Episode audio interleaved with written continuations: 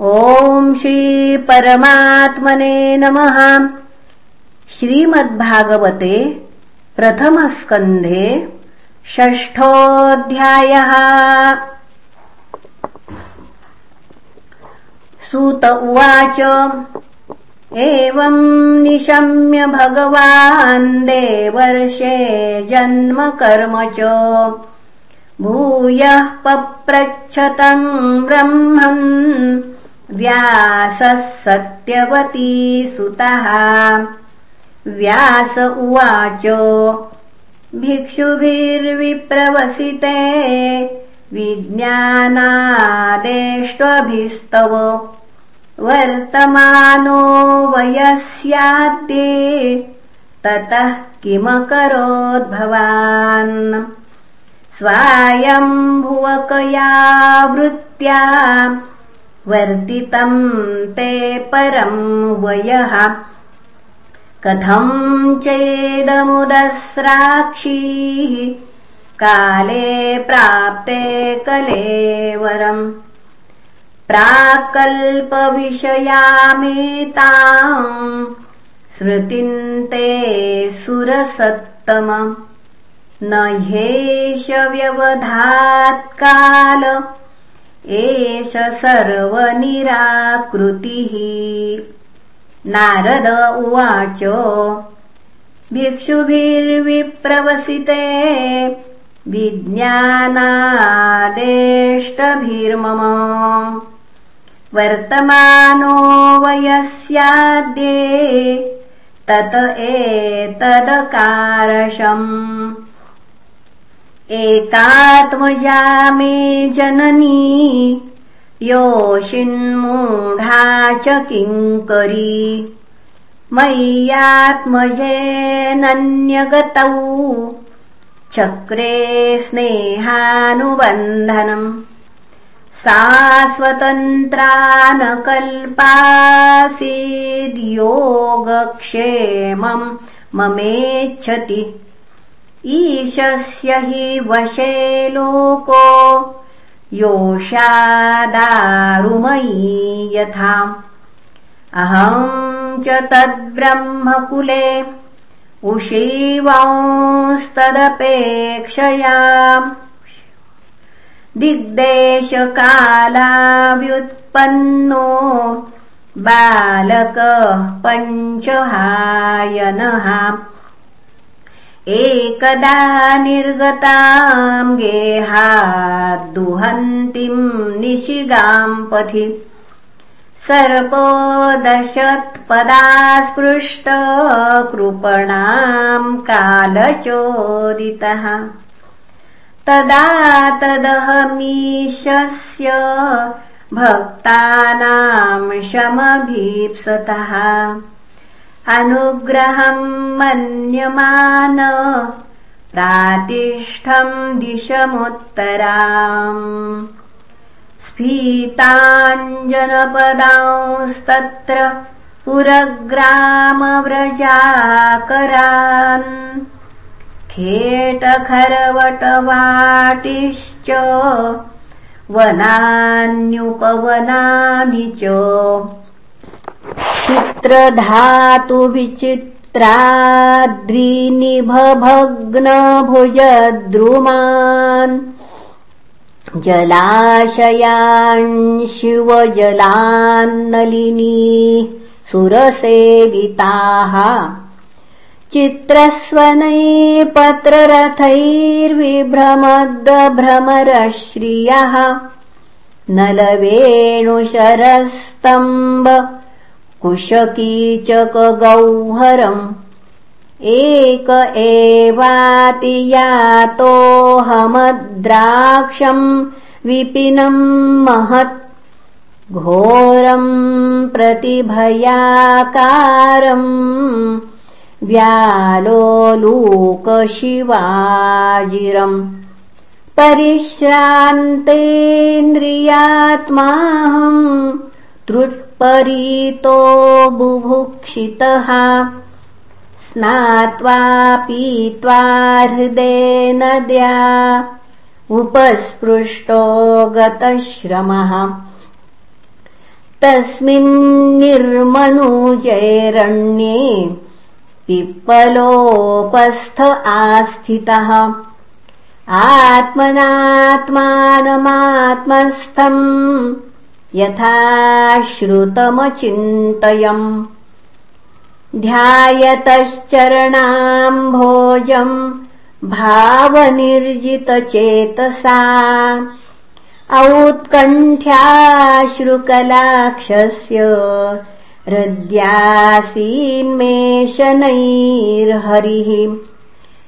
प्रेमातिभरनिर्भिन्न पुलकाङ्गोतिनिर्वृतः आनन्दसम्प्लवेलीनो नापश्यमुभयम् मुने।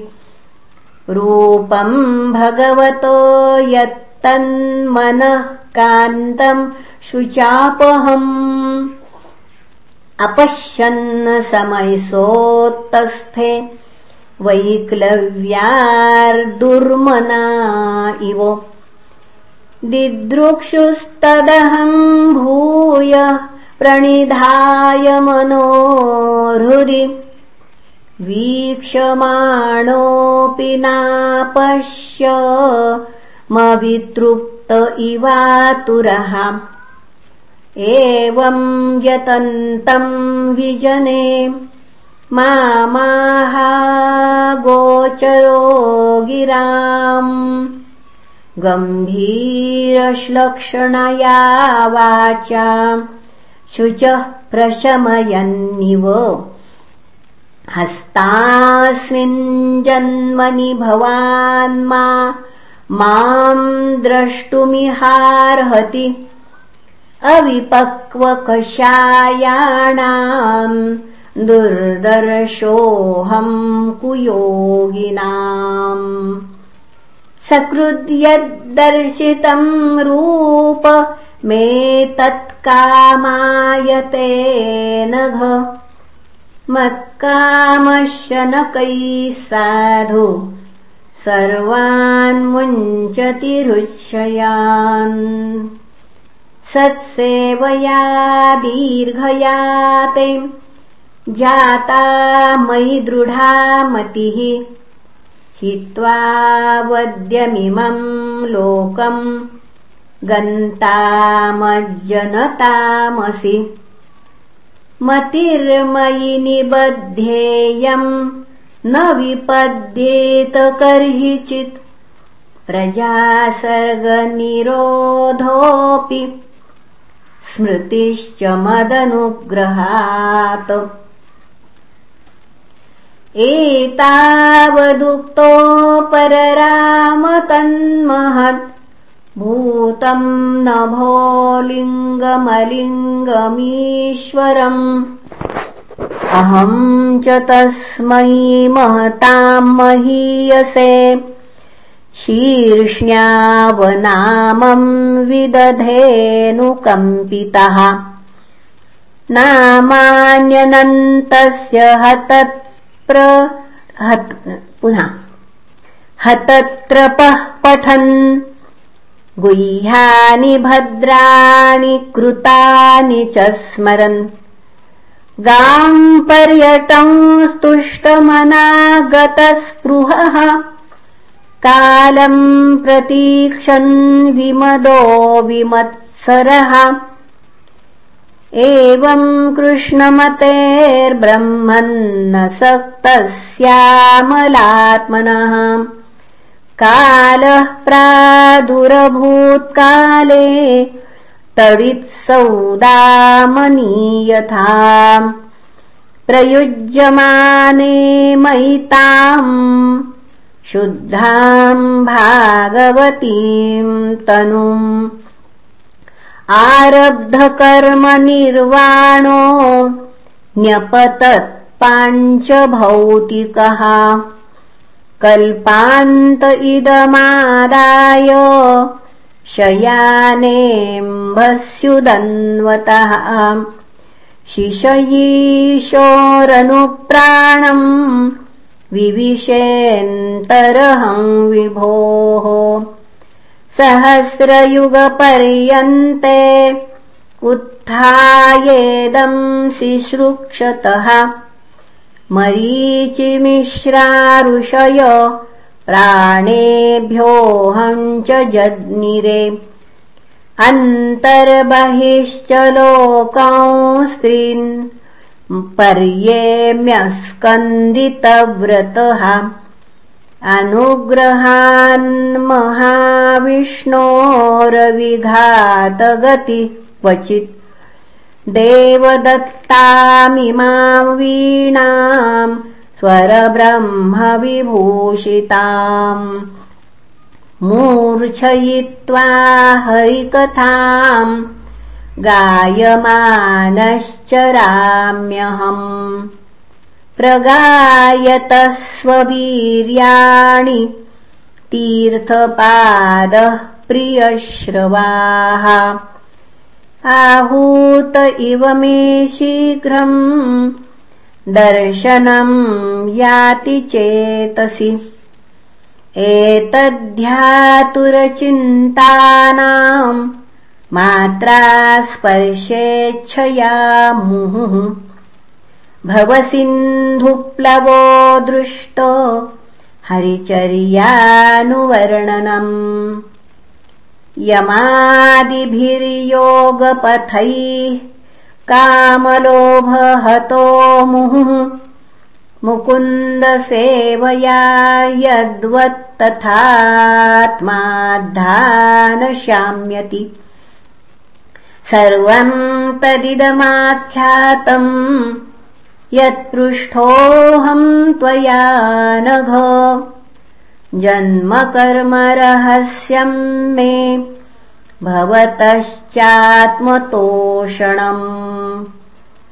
सूत उवाच एवम् सम्भाष्य भगवान्नारदो वासवीसुतम्।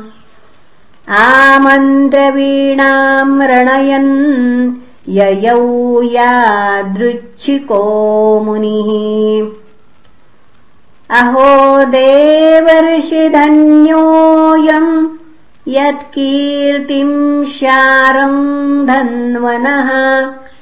गायन्माद्यनिदम् तन्त्र्या रमयन्त्यान्तुरम् जगत्।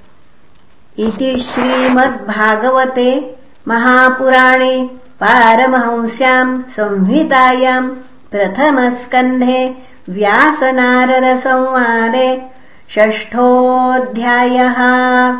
श्रीकृष्णार्पणमस्तु। हरये नमः।